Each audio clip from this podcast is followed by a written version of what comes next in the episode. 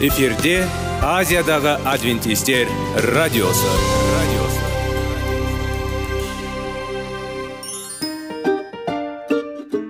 сәлем достар. Денсаулық өмір бұлағы және біздің бірінші байлығымыз демекші денсаулық сағаты рубрикасына қош келдіңіздер. Біздің рубрикада біз әртүрлі факторларменен мәліметтерменен кеңестерменен бөлісіп шын жүректен сіздердің дендеріңіз сау болғанын қалаймыз. Сол үшін біздің рубрикаға қош келдіңіздер. Дайындалып тұрыңыздар. Өйткені келесі минуттарда қызықты фактілерге ие боласыздар. Енді достар ең бірінші байлығымызды қолымызға алып алға кеттік.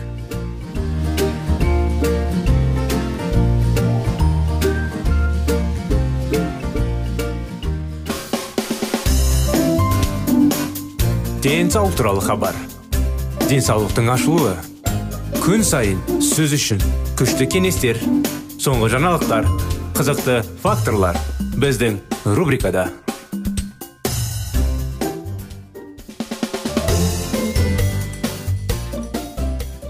Денсаулық сағат бағдарламасына қош келдіңіздер. Құрметті достар құрметті тыңдаушыларымыз. Армысыздар ассалаумағалейкум дейміз сіздерге. Қытай зерттеулері тақырыбын біз сіздермен бірге ары қарай жалғастыра кетейік. Тамақтану және бірінші типтегі қант диабеті пайда болу туралы. Бұрын алынған ақпарат соншалықты таң қаларлық болды. Бұл екі маңызды оқиғаны тудырды. Біріншіден 1994 жылы американдық педиатрия академиясы туыстарының арасында қан диабеті жағдайлары жиі кездесетін отбасыларда балаларға сиыр сүтіне негізделген қоспалармен қамтамасыз етуіне қатаң түрде ұсынды. Екі жыл. Екіншіден көптеген ғылымдар тамақтану мен өмір салтын мұқият бақылау арқылы бірінші типтегі қан диабетінің пайда болуын түсіндіруге болатындығын анықтау үшін перспективті зерттеулер жүргізе бастады. Яғни олардың қатысушылары ұзақ жылдар бойы бақыланды. Қазіргі уақытта финляндияда ең танымал екі зерттеу жүргізілуде.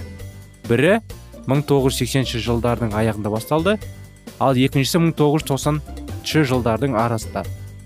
Осы жаңағыда 35 зерттеулердің біріншісі сиыр сүтін. Тұтыну пайда болу қаупін арттыратынын көрсетеді. Бірінші типтегі қант диабеті. Бестен алты есе. Ал екіншісі 35 нәтижелері сиыр сүті. Бұрын сипатталған қосымша дем дегенде үште төрт антидененің дамуын ынталандырады деп болжайды. Жеке зерттеу көрсеткендей емшек сүтімен қоректенетін балаларда бета казеинге антиденелер деңгейі сүйір сүтіндегі тағы бір ақауыз емшек сүтімен қоректенетін балаларға қарағанда едәуір жоғары болды. Бірінші типтегі қан диабетімен ауыратын балаларда да осы антиденелердің деңгейі болды. Басқаша айтқанда жарияланған зерттеулердің нәтижелері сиыр сүтін әсіресе аурудың пайда болуына генетикалық бейімділігі бар балалар үшін тұтыну қаупін сенімді түрде растайды. Қарама қайшылықтың сәйкессіздігі. Газеттің алдындағы бетінде келесі тақырыпты елестетіп көріңіз. Сүйір сүті бірінші типтегі қан диабетінің өлімге әкелетін түрінің пайда болуының ықтимал себебі. Қарқынды әлеуметтік реакция. Мен жаһандық экономикалық саладарға байланысты қолда бар ғылыми дәлелдерге қарамастан жақын арада мұндай тақырып пайда болмайды. Жарияланып осындай тақырыппен рұқсат бермейді. Жапсырма қарама қайшылығы көптеген қауіп төнгенде және тек кейбір адамдар түсінетін көптеген ақпарат берсе қайшылықтарды құру және қолдау оңай.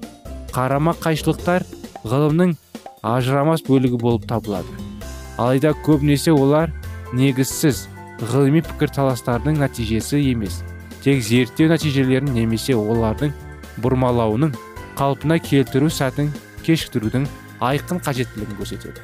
Мысалы егер мен темекі сіз үшін жаман деп мәлімдесем және менің көзқарасымды растайтын көптеген дәлелдер келтірсем темекі компаниялары ойынға кіріп бір жаңағындай егжей тегжейге назар аудара алады содан кейін темекінің зиян туралы ойдың өзі өте қайшылықты екенін айтады. Осылайша менің барлық дәлелдерімді жоққа шығарады. Мұны істеу өте қарапайым. Өйткені түсінігіңізде әрқашан болды. Бұл ғылымның табиғаты. Кейбір ықпалды топтар бұл қарама қайшылықтарды белгілі бір ойлардың дамуына кедергі жасау. Мәселені конструктивті зерттеуге кедергі жасау көпшілікті адастыру және мемлекеттік саясатты маңызды мәселеден бос әңгімеге айналдыру үшін қолданады. Экономикалық немесе әлеуметтік тұрғыдан ыңғайсыз ғылыми нәтижелердің беделін түсіру үшін сәйкессіздікті атап өту ғылымдардың ең үлкен күнәлардың бірі болып табылады. Маман емес адамға егер ол ғылыми мақалаларды оқыса да мысалы сиыр сүтін пайдалану мен қан диабетінің пайда болуы арасындағы байланысты сипаттайтын өте жұқа бөлшелердің маңыздылығы бағалау қиын болады. Сиыр сүтін қолдану мен бірінші типті қан диабетінің пайда болуы арасындағы байланыс туралы жақында жарияланған. 38 шолуға жүгінейік. Осы 38 қарама қайшылықты тақырыптар тобының бөлігі ретінде жарияланған және он зерттеудің нәтижелерін жалпы болып табылатын. Олардың барлығы іс бақылау әдісімен жүргізілген авторлар он зерттеудің бесеуі сиыр сүтін тұтыну мен бірінші типтегі қан диабетінің пайда болуы арасындағы статистикалық маңызды он корреляцияның болуын көрсетті деген қорытындыға келді. Ал мұндай бес корреляция көрсетілмеген. Әлбетте бұл айтарлықтай түсіністіктің бар екендігі көрсетеді. Және бұзық айтарлықтай бұл түсіндіруіңіздің бар екендігін көрсетеді. Және ұзақ мерзімді перспективада бұл гипотезаның беделін түсіндіруге бағытталған.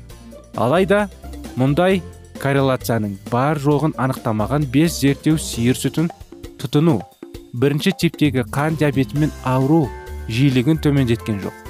Осында олар ешқандай статистикалық маңызды корреляцияның аппады таппады деп қорытынды жасауға болады. Онда терісте емес сонымен бірге статистикалық маңызды корреляцияның болуын көрсететін бес зерттеу бар. Ал бесеуінің нәтижесі бірдей. Сиыр сүтінің ерте жаста. Қолдана бірінші типтегі қан диабеті қауіптінің жоғарылауымен байланысты. Бұл нәтиженің кездейсоқ болу ықтималдығы. Сараптама кезінде екі фактордың тіпті ерлер ол бар болса да статистикалық маңызды байланыс анықтауымен көптеген себептер бар деп осымен аяқтаймыз баяғы бағдарламамызды. Уақытымыз шамалы болғандықтан сіздерді келесі бағдарламаға шақырамыз. Жалғасына сол уақытқа дейін сау болыңыздар.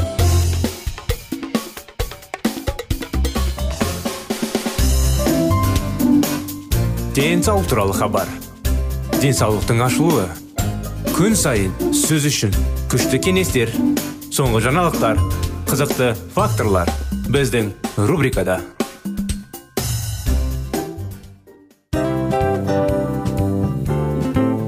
Әуелі байлық денсаулық екінші байлық он саулық үшінші байлық ақ жаулық. Ал енді осындай радио парақшадан кейін не дейміз? Барлықтарыңызға денсаулықтарыңыз зор болсын деп тілейміз. Денсаулықтың өзгеруі кішкентай нәрселерден басталады. Осымен біз берген кеңестер мен мәліметтер шын жүректен сіздер үшін қандай да бір болсын жәрдем берді деп үміттенеміз. Тыңдаушыларымызбен келесі радио парақшасына дейін қоштассамыз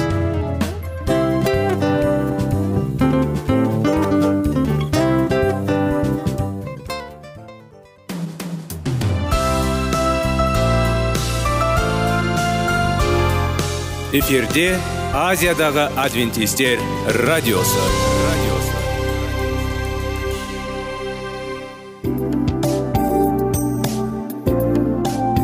сәлем достар. Барлықтарыңызға шын жүректен сөйлесек рубрикасына қош келдіңіздер деп айтпақшымыз. Шын жүректен сөйлесек бағдарламасы әртүрлі қызықты тақырыптарға арналған. Шындығында шын жүректен сөйлесек деген сөздің мағынасы екі достың екі адамның ортасындағы шын жүрекпен сөйлесуі бір біріне сенуі ашықтық пен шындықты білдіреді. Сол үшін біздің бағдарламалар әртүрлі қызықты тақырыптарға арналған. Дайындалыңыз жаңа қызықты мәліметтерге ие болуға. Ондай болса кеттік.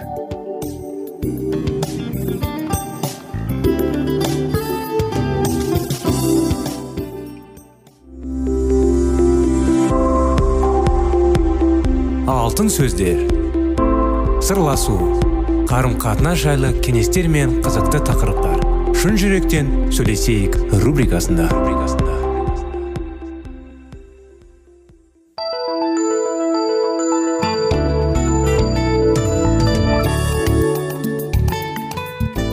Бағдарламамызды жалғастыра кетіп сіздерге армысыздар. Сәлеметсіздер ме құрметті радио тыңдаушыларымыз дейміз құрметті достар. Сіздермен бірге 25 керемет неке оқиғасында тақырыптармен шын жүректен сөйлесейік бағдарламасы. Мысал келтіру үшін жыныстық қатынастық әр мезгіл некесі қиылған өмірдің он жылынған ұқсатып анықтайық. Ерлі зайыптылардың екеуінің жасы 28-ден дейік біреуге тұрған алғашқы он жылдық бұл 28-38 жас. Пәктіктің мезгілі және жаңа бастамасы яғни көктем деп айтайық. Көктемнің мүмкіндігінде өте көп. Бірінші онжылдық бұл өмірдің жаңа жынысты қатынасты бастамасы. Ері зайыптылардың үміттерін әрі ашуының мезгілі. Дұрыс қой. Олар үйленбей жүріп ғашықтық барлығы неке тұрғанда соның көмегінде бар сезімдер іске асады. Сіздердің әрқайсыңыз жеке кім екендіктеріңізді түсініп сонымен қатар отбасын бірге құрасыздар. Төсектегі қатынастың әр саласы жаңа болып келеді. Егер сіздер балаларды туамыз деп жоспарлайтын болсаңыздар баланы көтерудің қиындығы әрі қуанышын түсінетін боласыздар. Балалар туғанда төсек қатынасыңыз өзгереді сіздер тек екі ғашықтар ғана болмай әке шеше боласыздар. Балаларыңыз ұйқыңызды бұзып бөлмеңізде бірге ұйықтайтын болады. Бұл өмірдің өте қызық мезгілі екен. Маған кішкентай балаларымызды емізу қатты ұнайтын дейді әйелім ұлдарымды бір тіпті екі жасын дайын емізетінмін. Содан бір мәселе пайда болды. Мен балаларыма қамқорлық жасағанымды соншама өз отағасым туралы ұмытып кететінмін жас ана балаларды мен күйеуінің арасын таңдаумен керек. Қолында ұстап жүрген балалары күйеуін ығыстырмау тиіс. Мен балаларымды әйелдеп ұйықтатып балаларға қамқорлық жасанып рахаттанып күйеуіме көңіл аз бөлетінмін. Күйеуім алдарымызда сүйген қарамастан олармен өзімнің арамыздағы ерекше тығыз байланыс болғанындай жолдасымда ондай болмайтынын ұмытып кететін. Ол маған қатты мұқтаж болса да өзім балаларға одан артық керекпін деп санап жүрдім сонымен қатар кейбір күйеулер өз қыздарына нәзік махаббат сезімдерін білдіретін соншалық әйелдеріне соны ашық көрсетуге ұмытып қалады. Балаларға қамқорлық көрсеткен беріңізде бір біріңіз туралы да ұмытпаңыздар. Бір біріңізге уақыт арнаңыздар. Бірге оңаша болу үшін балаларыңызды ертерек жатқызыңыздар. Бірге ғана ұйықтамай міндеттерін бөліп біріңіздер сөйтіп мекеннің жүгін бірге көтерсеңіздер өз жұбайыңызбен өз мұқтаждықтар және уайымдарыңыз туралы ашық түрде сөйлесіңіздер. Мен сізбен бірге көп болғанымды сағындым. Бірге болу үшін не істеуіміз керек деп түсінбеушілік болмау үшін осыны айту жеткілікті болады. Осы бірінші он жылдықтың ішінде бір біріңізді жыныстық қатынас жақтарын біліп алыңыздар. Бір біріңізбен сол жайында сөйлесіңіздер. Осы некенің маусымында жаз бен күз кезінде егін ору үшін көктемде бақты салғанымыздай жыныстық қатынасқа қамқорлық жасаңыздар. Көктем бездердің үмітіңізді нығайтса жаздың кезінде құдайдың берген аяны жанарып терең дем алғымыз келеді. Осы маусымда өміріміз гүлденеді. Ерлі зайыптылар мансапқа жетіп әке шеше болу ықтимал. Егер жанұяда балалар болса олар өсе келіп өмірдің тамаша кезіне жетті де ал балалары өскен уақытта ата аналар өз міндеттеріне қалыптасып танылады. Сіздер жаздың кезінен бірде бір сәтін босқа жібергілеріңіз келмейді. Балалар мектепке оқиғада не үйренісіне қатысқанда не жұмыстан босанғанда жыныстық қатынасты болу үшін уақыт пайдалануға мәжбүр боласыздар. Бағыңыздың көктемгі кезі жемісті болғанда жаз уақытта соның жемісін жеп көбірек рахаттануға қалайтын болыңыз. Егер бірінші жылдықта некеңіздің бағына жақсыларына болсаңыз жаздың маусымында егуге әлі уақыт бар. Жаздың кезінде бар өсімдік сондай ақ арман шөп тез өсіп шығады. Тұқым егілген жүйектерін отап бір біріңізді сыйламайтын жағдайда арам шөп тез өсетінін біле түсіңіздер. Сол сіздің төсек қатынасыңызды сура беретін боласыз. Сол одан да жақсы өсіп өніп жеміспі болады. Себебі сіздің бірге тұратыныңызға он жыл болғанда неке топырақты таныту секілді болады. Жаздың маусымы бұл ұзақ күндер. Күлкі жаңағындай серуендеу әрі тал түсінікті найзағай. Біз жаздың маусымында күнәні уақытында төсек қатынас жасағанымызды байқап алдық. Өйткені кешке қарай шаршап ұйқымыз басып балалар мектепке болғанша сол мүмкіндік жібергім келмей кешке дейін күтуді қалаймын. Қаламадым кешіріңіздер. Келесі он жылдық күздік маусымы дейік. Қазіргі уақытқа біз үшін осы маусым ең жақсы кез. Біз ыстық ашық күндер мен салқын күндерді ұнатамыз. Біз өзімді еркен сезінеміз. Күз дегеніміз екінші көктем әр жапырақ гүл болып есептеледі. Күз бізге қатты ұнайды.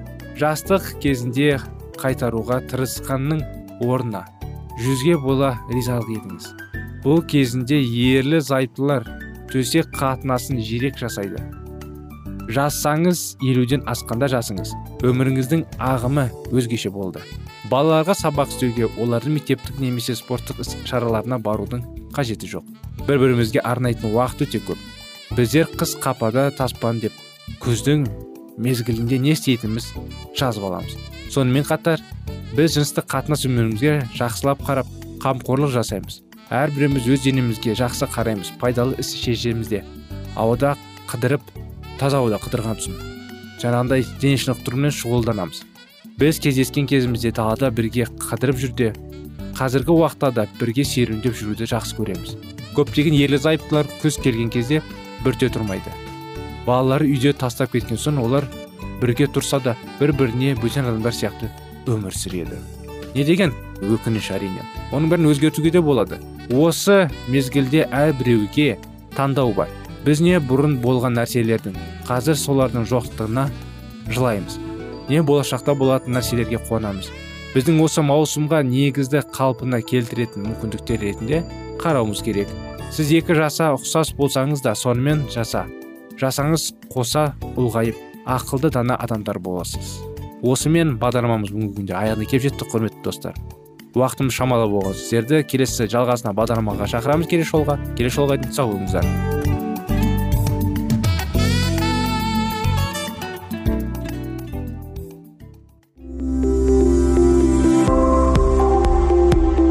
Алтын сөздер. Сырласу. Қарым қатынас жайлы кеңестер мен қызықты тақырыптар. Шын жүректен сөйлесейік рубрикасында.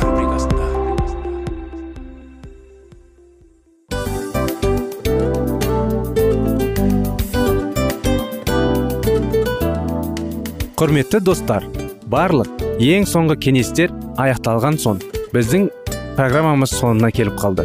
Осы біздің мәліметтер осы рубрикада айтылған әрбір сөздер сіздерге өзінің қандай да бір пайдасын алып келді деп шын жүректен сенеміз. Және бұдан да көптеген рубрикаларымыз бар. Басқа рубрикаларымызда біздің зерттеулерімізде сіздер үшін тағы да қызықты мәліметтер дайын. Біздің шын жүректен сөйлесейік парақшамызда көптеген әдістер ең соңғы кеңестер адамның нравственность жақтан моральдық жақтан тазалап байыта тұрған соңғы кеңестердің барлығын жанарады. сондықтан алдыңғы күндерде бізбен бірге болыңыздар. Өйткені барлық қызықтар алдыда. Бізбенен бірге болғандарыңызға үлкен рахмет. Келесі кездескенімізше сау сәлемет болыңыздар.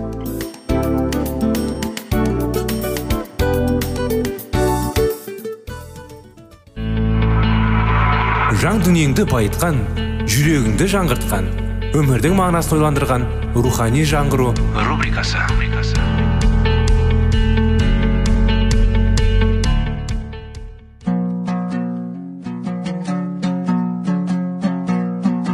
Ассалаумағалейкум біздің тыңдаушыларымыз. Келі кітаптың шындығын ашып берген қысқа бағдарламасына қош келдіңіздер. Барлығынан жоғары жаратушы біздің қарыңғылықта жалғыз қалдырып қойған емес. Өйткені ол келешекте не болу керек екенін кітаптың парақтарында ашып береді. Немесе келіңіздер бізге қосылыңыздар. Жаратушы бізге нен ашып бергенін зерттейміз. Мыңдаған адамдар құдайға сенбейді. Бірақ шайтанның айтқан сөзін құмға құйылған судай сіміреді. Олар киелі кітапты мәсіх және оның адамзатты. Құтқару жоспары жайлы жазылған салтанатты ақиқаттың күлкі қылады. Құдайдың заңын орындап оның еркіне бағынатындары аянышты күйдегі. Фанатиктер қиялшылдар болмаша нәрсеге мастанып жүрген шектеулі соғырлар деп атайды. Өздері болса шынымен де екі ортаға бұзылмайтын бекініс орнатып қойғандай дозақпен келісім шартқа тұрғандай сынай тағдады олар құдайдан қорықпайтындар. Шайтан соңғы шайқасқа мықтап дайындалуда. Ол өтіріктің сом тұлғасы спиритизмге ақырындап отырып байыппен көтеріледі. Бұл шайқас бейіш бағында сайтан айтқандай жоқ сендер өлмейсіңдер бірақ бұл жемістің дәмін татқан күні. Көздерің ашылып құдаймен бірдей боласыңдар деп адамдарды соған сендіруге күні басталған және өзінің шырақтау шынына жақындап келеді. Пайғамбар былай дейді.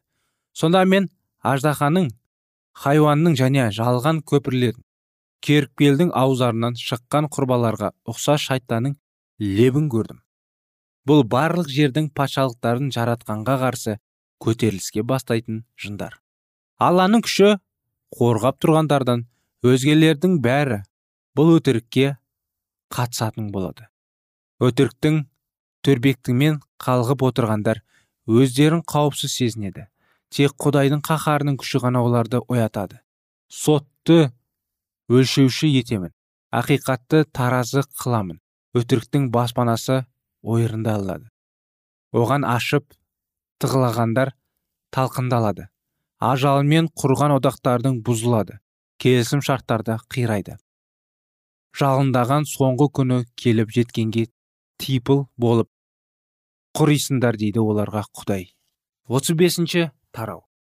Ар ұжданға төнген қауіп.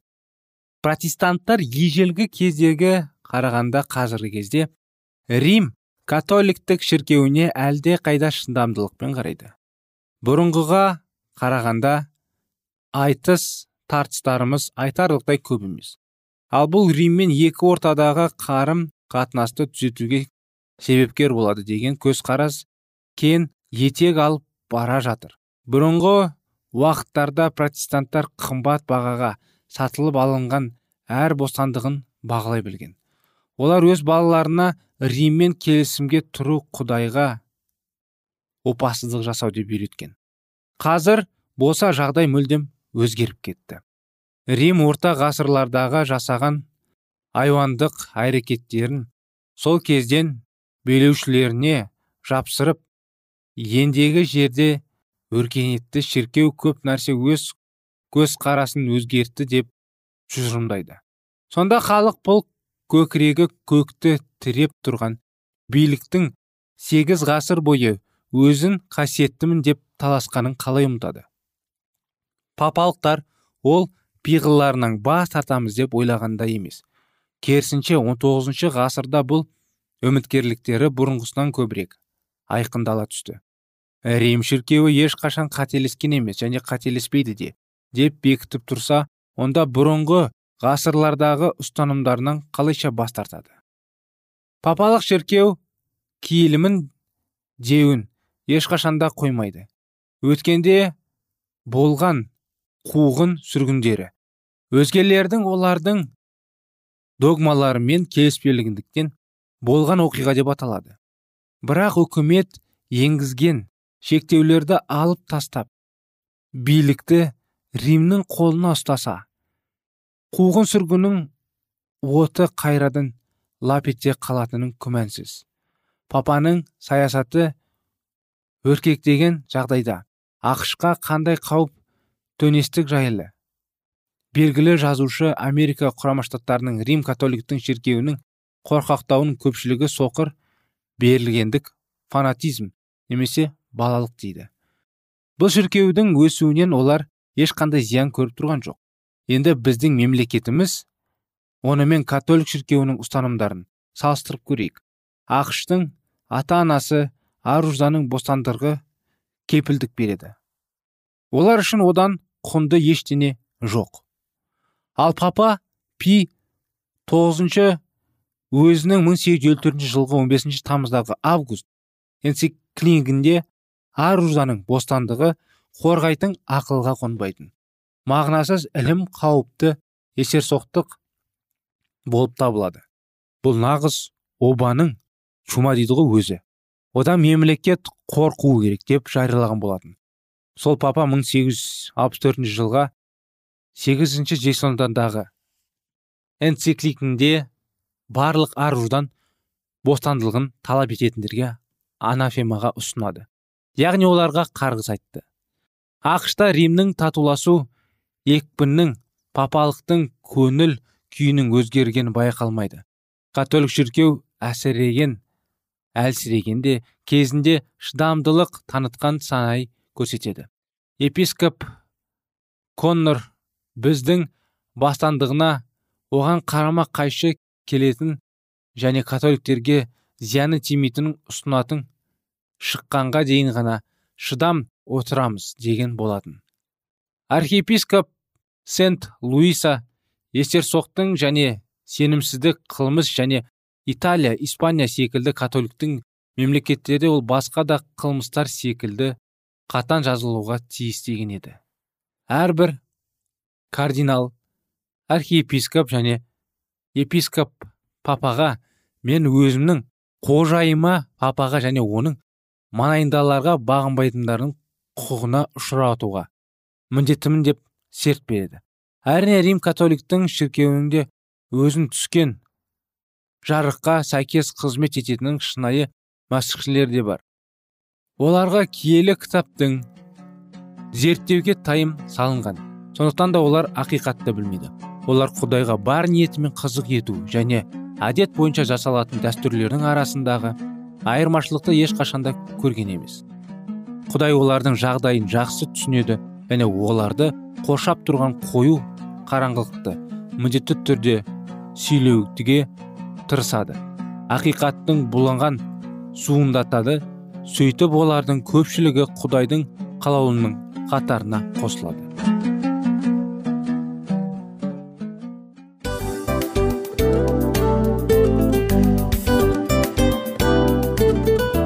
Осымен достар программамыздың зерттеуіміздің ең қайғылы минутына жеттік. Қайғылы дегенде бағдарламамыз тез арада өтті де кетті. Соған көңіліміз деп тұр. Жарайды қайғыны қояйық. Бүгінгі 24 сағаттың алтындай жарты сағатын бізге бөліп арнағаныңыз үшін рахмет. Егер де өткен сфераларда пайдалы кеңес алған болсаңыз біз өзіміздің мақсатымызға жеткеніміз. Тыңдаушыларымызбен қоштасу уақыты келді. Келесі кездесулерді сағынышпен күтеміз. Жарты сағатты кездесуіміз көз ашып шапқанша дем арасында өтіп кетті. Бірақ бізде жақсы хабар бар. Келесі зерттеулерімізде сөзсіз кездесеміз. Өйткені көптеген сюрприздер қызықты мәліметтерді және керекті нәрселерді көбін дайындадық. Бүгінгі күндеріңіз өзгеше позитивті болсын. Жақындарыңыз аман есен болсын деп тілейміз. Жаратқан ие барлықтарыңызға батасын берсін. Істеген істеріңіз игілікті болсын. Келесі кездескенше сау саламат болыңыздар. Достар біздің бағдарлама бойынша сұрақтарыңыз болса әрине сіздерге керекті анықтама керек болса біздің whatsapp нөмірімізге хабарлассаңыздар болады. Плюс бір үш жүз бір жеті жүз алпыс алпыс жетпіс. Иә достар сіздер қателеспедіңіздер бұл біздің номерлерге ұқсас болмаса да бұл whatsapp номер арнайы. Хабарласыңыздар сұрақтарыңызды қойып тұрыңыздар. Анықтаманы алып тұрыңыздар. Плюс бір үш жүз бір жеті жүз алпыс алпыс жетпіс whatsapp номері